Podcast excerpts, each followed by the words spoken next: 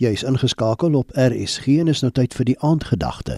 Dit word vanaand vir ons aangebied deur pastoor Rudi Ritkart van Pretoria. Goeienaand, ons praat vanaand oor blydskap.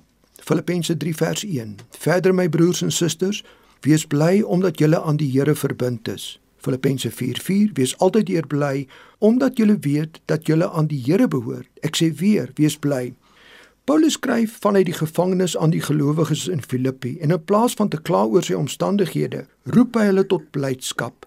So vind ons ook dat Christus die aand voor sy kruisiging sy volgende oproep om met blydskap vervul te wees. Die blydskap waarna daar verwys word, is nie noodwendige blydskap wat aan ons lewensomstandighede gekoppel is nie. Die blydskap waarna Paulus verwys word egter gebaseer op ons verhouding met Christus. Daarom dat hy ook sê, julle moet bly wees omdat julle aan Christus behoort en aan hom verbind is. Ja, selfs in tye waar dit moeilik gaan. Onthou Paulus sit hier in die gevangenis terwyl hy die brief skryf.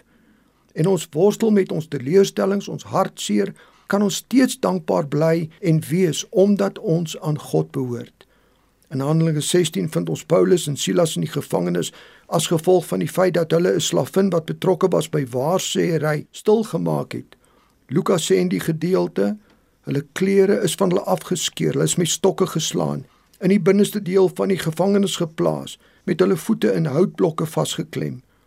Menslik gesproke het hulle moontlik baie redes tot ongelukkigheid gehad. Maar ons lees middernag vind ons Paulus en Silas besig om te bid en lofliedere aan God te bring as 'n uitdrukking van hulle vertroue in hom.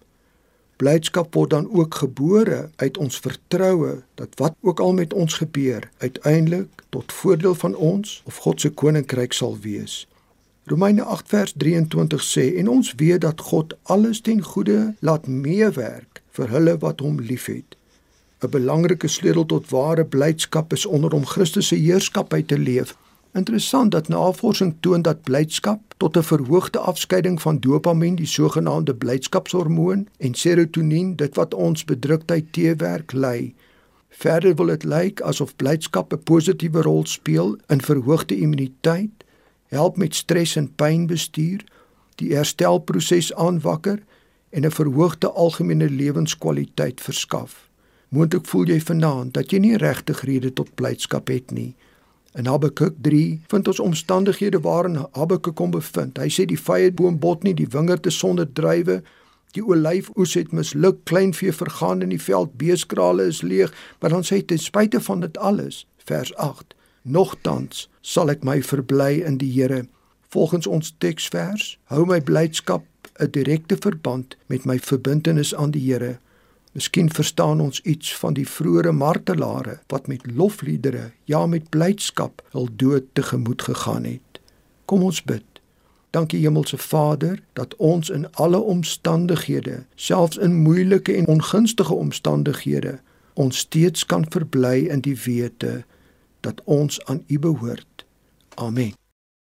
Dit was dan die aandgedagte hier op RSG, aangebied deur pastoor Rudi Ritkart van Pretoria.